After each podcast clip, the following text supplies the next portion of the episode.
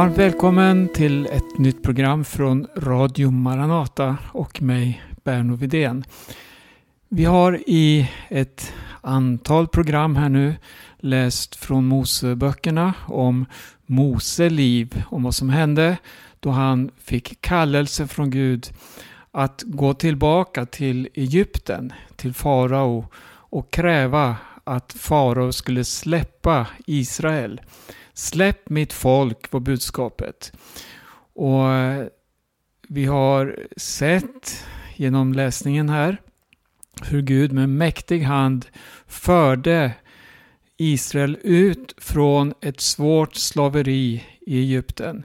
Man tågade genom Röda havet och trädde in då i öknen och man kom fram till berget Sinai så småningom.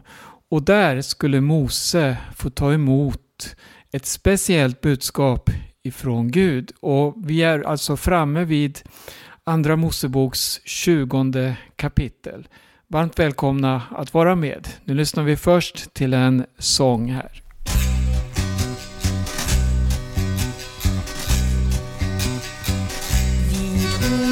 Klippa Guds folk så bittert klagar Törsten plågar dem och vandringen är svår?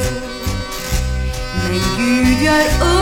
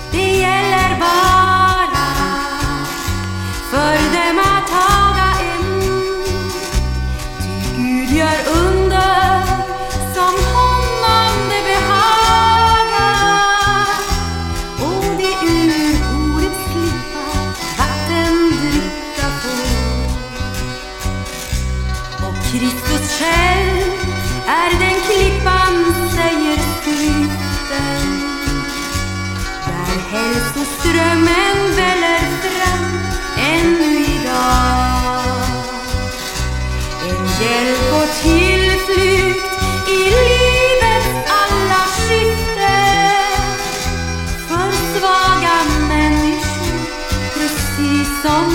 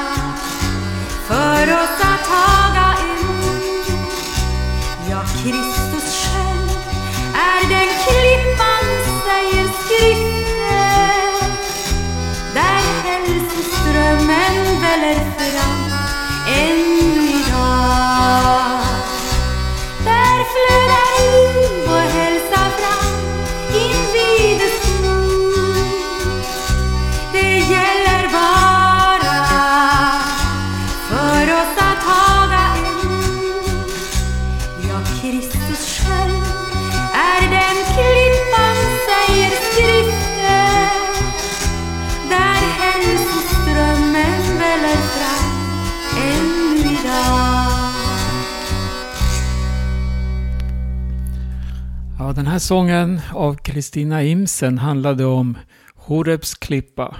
Där eh, vattnet strömmade ur klippan. Och det här läste vi om tidigare.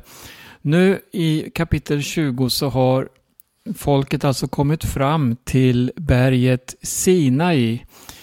Och Gud kommer här att tala på ett väldigt speciellt sätt till, eh, till eh, Israel. Och eh, när vi läser Bibeln, vi ser ju att Gud han talar genom samvetet.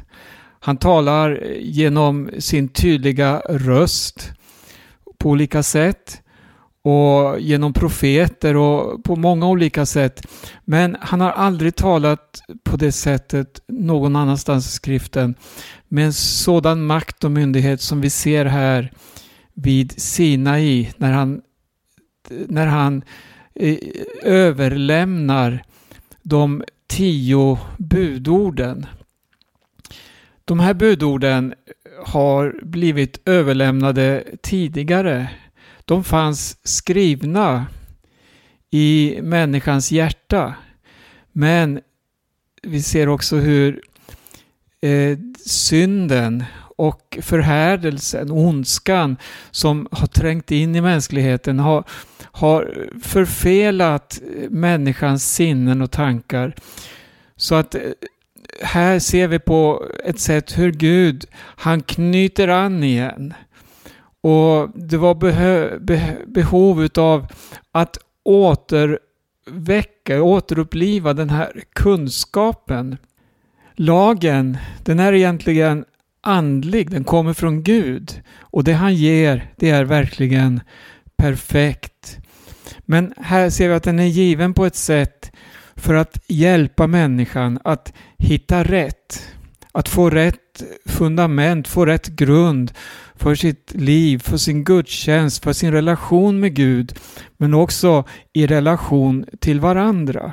Och i de här tio gudsbuden som vi alldeles strax ska läsa så ser vi hur Guds rättfärdighet den genomsyrar varje rad av eh, de här budorden. Samtidigt så, så, så ser vi också att hur, hur människan, när hon får det här budordet, hon bävar inför ordet. Och Gud, när han överlämnade budorden, det var med sådan makt och myndighet att folket som stod runt omkring Mose vädjade till Mose. Tala du till oss, träd du inför Gud så att vi inte förgås. Man upplevde den här heligheten, det här allvaret med att stå inför Gud på det här sättet. Nu stod Gud där med rättfärdigheten i sin hand och skulle överlämna budorden till folket. Det fanns på ett sätt föga beredskap, men ändå en vädjan, en vilja. Det, det, var en kamp hos människan som vi möter egentligen rakt igenom hela historien. Vi möter den hos oss själva. Det här som sliter och drar i oss. Gud kallar oss till en sak. Men vårt kött vill många gånger något annat. Gud kallar oss till tjänst. Men så finns det en annan vilja inom oss. Och det, det finns en ständig strid. Men här, här, här ser vi i alla fall vilka löften Gud ger genom sitt ord, genom sin lag. Eh, det finns en uppfyllelse också av denna lag och det är något oerhört stort. Vi får se om vi hinner få med det mot slutet av det här programmet. Eh, vi ska läsa de eh, budorden som vi möter här då. Det står så här från första versen i Andra Moseboken 20. Gud talade alla dessa ord. Jag är Herren din Gud som har fört dig ut ur Egyptens land, ur träldomshuset. Du ska inte ha andra gudar vid sidan av mig. Du ska inte göra dig någon bildstod eller avbild av det som är uppe i himlen eller nere på jorden eller i vattnet under jorden. Du ska inte tillbe dem eller tjäna dem för jag, Herren din Gud, är en nitisk Gud. Jag låter straffet för fädernas missgärning drabba barnen till tredje och fjärde led när man hatar mig. Men visar nåd mot tusentals när man älskar mig och håller mina bud. Du ska inte missbruka Herren, din Guds namn. För Herren ska inte låta dem bli ostraffad som missbrukar hans namn. Tänk på sabbatsdagen så att du helgar den. Sex dagar ska du arbeta och uträtta alla dina sysslor. Men den sjunde dagen är Herren din Guds sabbat. Då ska du inte utföra något arbete, inte heller din son eller dotter, din tjänare eller tjänarinna eller din boskap eller främlingen som bor hos dig inom dina portar. För på sex dagar gjorde Herren himlen och jorden och havet och allt som är i dem. Men på sjunde dagen vilade han. Därför har Herren välsignat sabbatsdagen och helgat den. Vi har nu läst här de eh, fyra första buden. Och lägg märke till, de här fyra första buden, de eh, handlar i huvudsak om vårt förhållande till Gud. Och det är ju så att Gud, han har ju älskat oss före, först av allt. Och vi har alltså en utgivande kärlek hos Gud och den behöver vi ha Eh, en god relation till. Vi behöver låta den få flöda i våra liv om vi överhuvudtaget ska kunna älska också vår nästa på det sätt då som, som Bibeln undervisar om. Den har alltså sitt ursprung i just att vi är älskade av Gud. Och där har vi förutsättningen. Så de fyra första buden, det är riktat till vår Herre, till vår skapare. Första budet som vi läste handlar om tillbedjan. Eh, du ska inga andra gudar ha vid sidan av mig. Det finns en Gud, en Herre. Han är värd all vår tillbedjan, all vår uppmärksamhet. Och Vi läser också här om hur, hur eh, tillbedjan av skapade ting, som också är så vanligt inom religionen och också inom kristenheten. Vi ser, kanske speciellt inom eh, katolicismen, hur, hur man så tydligt har lyft fram helgon, helgonbilder och så vidare. Inte minst då man upphöjer Jesu mor Maria till eh, att höra till gudomen, att vara en fjärde person i gudomen.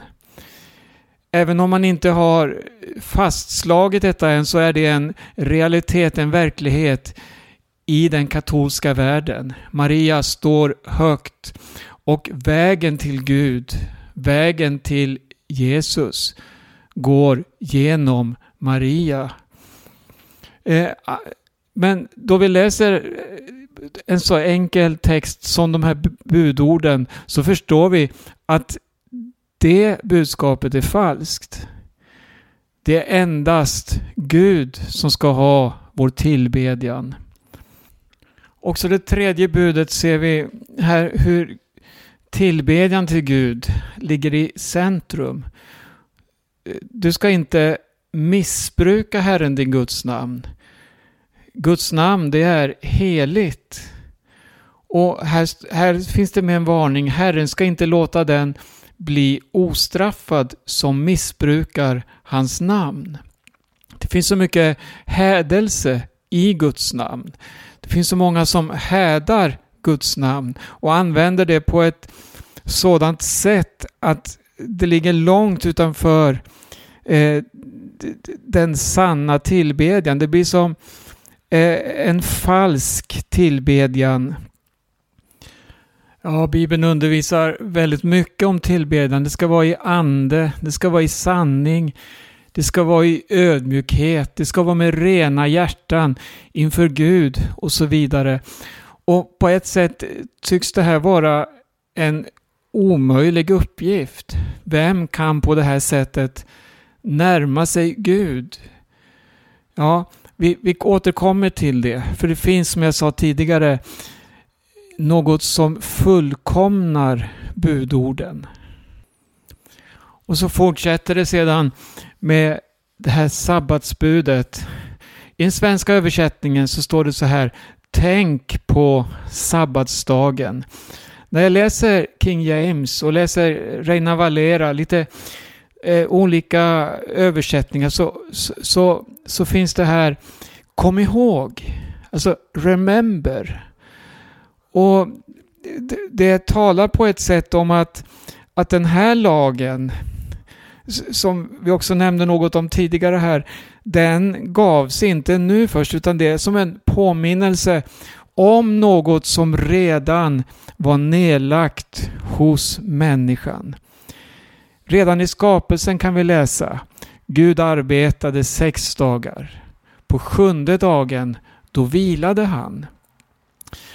Eh, inte bara att han vilade, utan det står att arbetet blev färdigt under de sex första dagarna.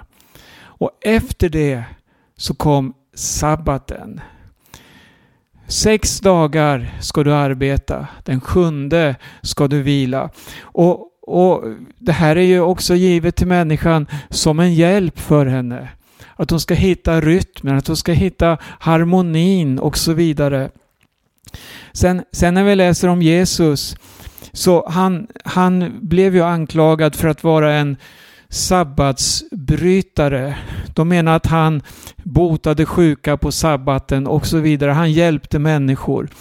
Han befallde en människa att ta sin säng och gå på en sabbat. Och det var helt emot det sätt som sabbatsbudet tolkades. Men Jesus, han förklarade något och det här är väldigt viktigt tror jag. Han förklarade att han är vår sabbat. Jesus är vår vila. Då vi får komma in i ett rikt Kristusliv, ja då lever vi i denna harmoni som leder oss in i ett fruktbärande arbete för Kristus eller för Guds rike. Och så får vi komma in i den vila som finns i Kristus Jesus. Man skulle kunna eh, ta in det här eh, sättet att tänka också. Jesus undervisar om Guds rike.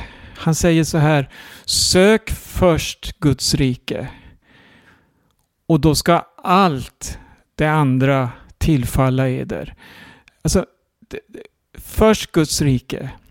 Då kommer du att hitta rytmen, du kommer att hitta det, det, det, det, är ett sätt att leva som behagar Gud, som ärar Gud, men också som blir till välsignelse för människor runt omkring, för din omgivning.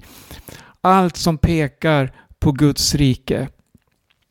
Eh, en annan sak när, när Jesus talar om, om eh, sabbatsbuden så, så, så lyfter han fram just behovets barn. Du kan hjälpa människor. Det här som har med Guds fruktan och eh, barmhärtigheten att göra.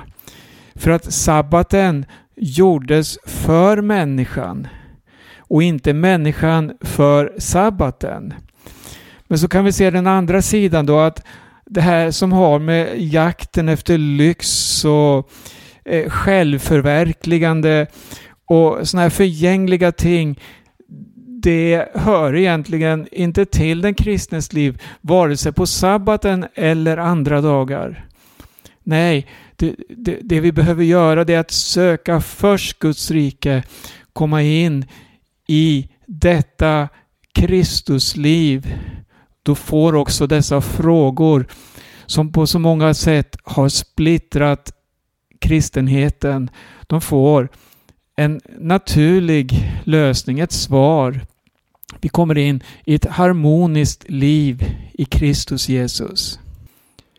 Det finns också diskussioner om vilken dag som ska vara sabbat.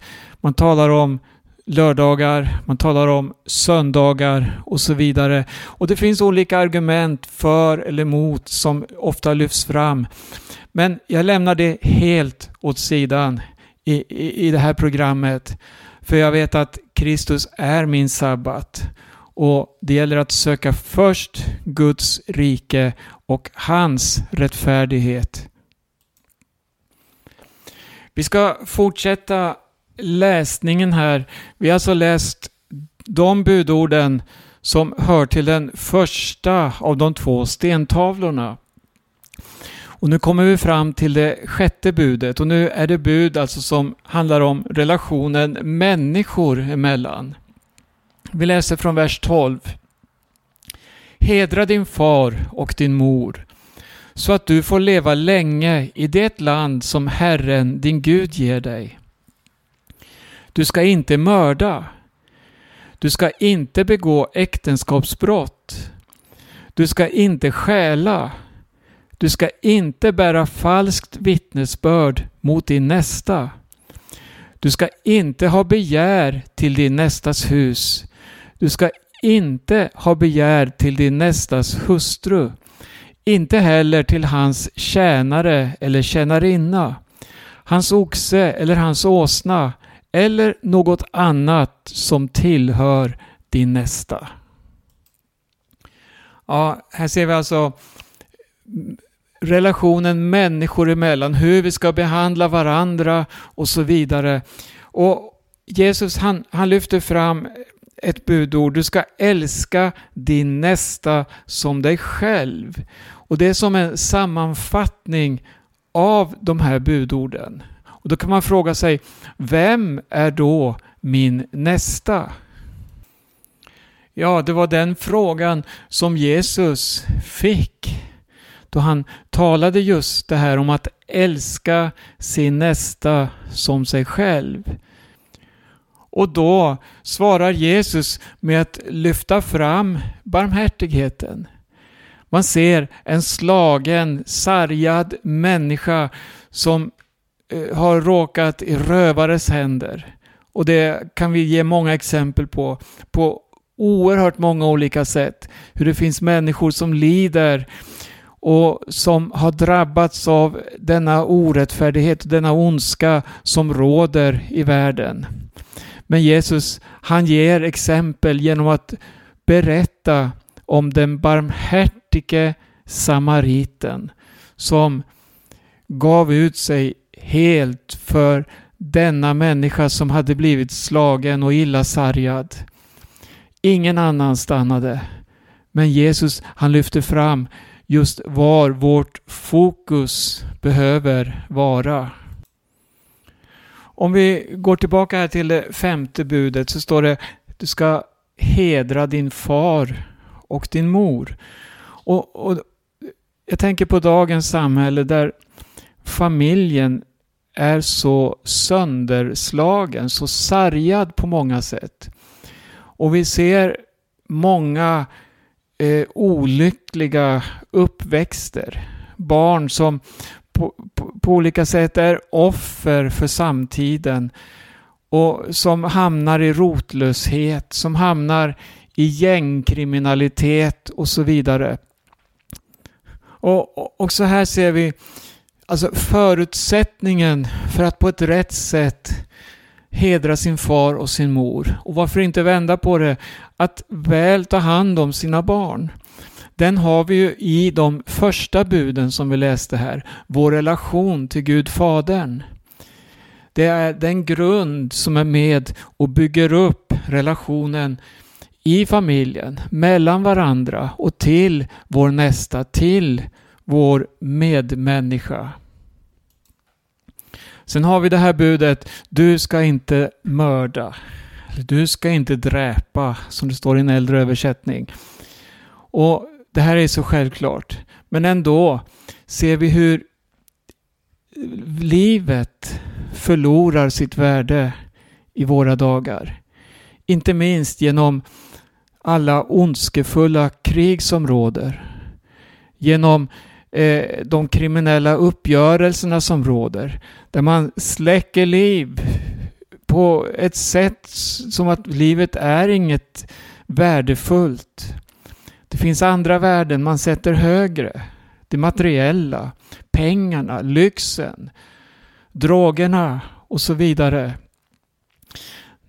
Nej, du ska inte dräpa. Och, och Då kan man fråga, var går gränsen då för att dräpa? Vi har eh, krig ute i världen där många har fått sätta sina liv till.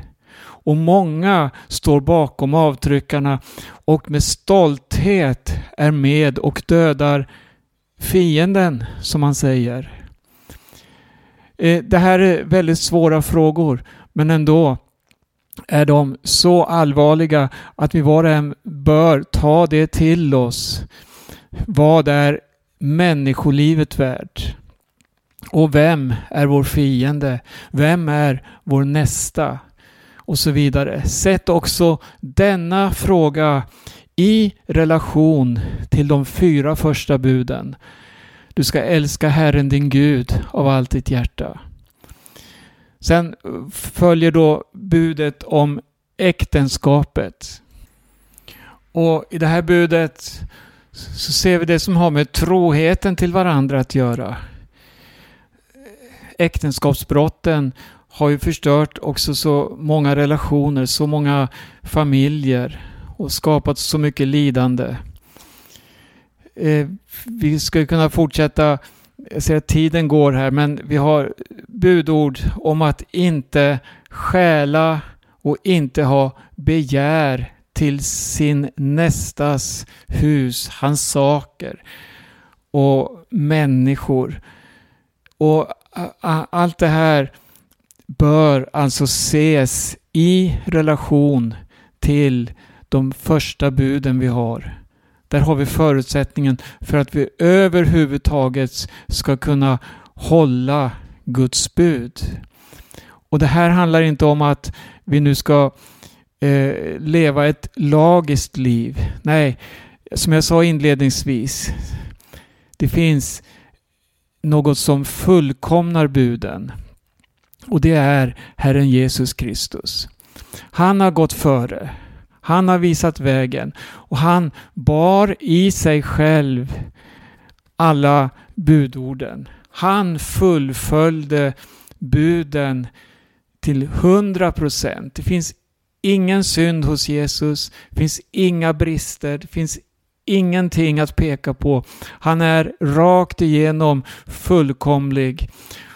Och så ser vi att vi kan genom Jesus Kristus bli fullkomnade. Vi är rättfärdiggjorda genom Jesus. Vi är nya skapelser genom Jesus, genom det han har gjort. Men hur är detta möjligt då? Jo, då vi tar emot Jesus i våra liv.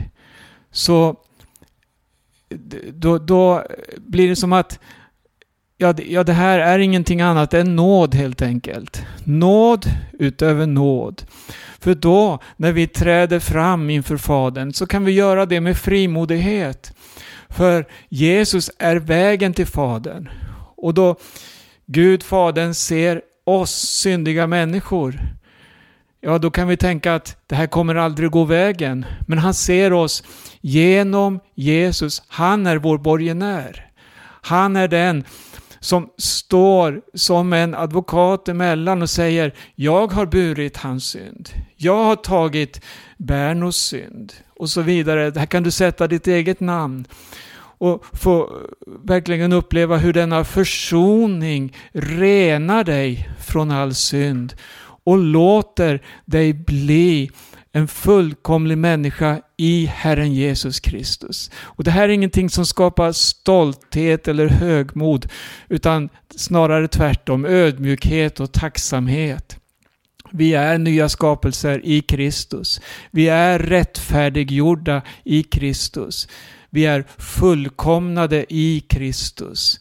Tänk att få vila i Kristus i allt detta. Han har gjort det möjligt. Ja, jag kanske hastade förbi de sista buden här. Men jag ville ha med också den här slutklämmen som handlar om att Kristus är lagens uppfyllelse. Så ta emot Kristus och lev nära Jesus så kommer du också få uppleva denna frid i ditt liv. Han är nämligen vår frid och vår sabbat. Och det här är ett program ifrån Radio Maranata. Jag heter Berno Vidén. Jag vill tacka för den här gången och nästa program ska vi fortsätta eh, gå igenom Mose liv och det som hände med Israel efter slaveriet i Egypten. Gud välsigne var och en på återhörande.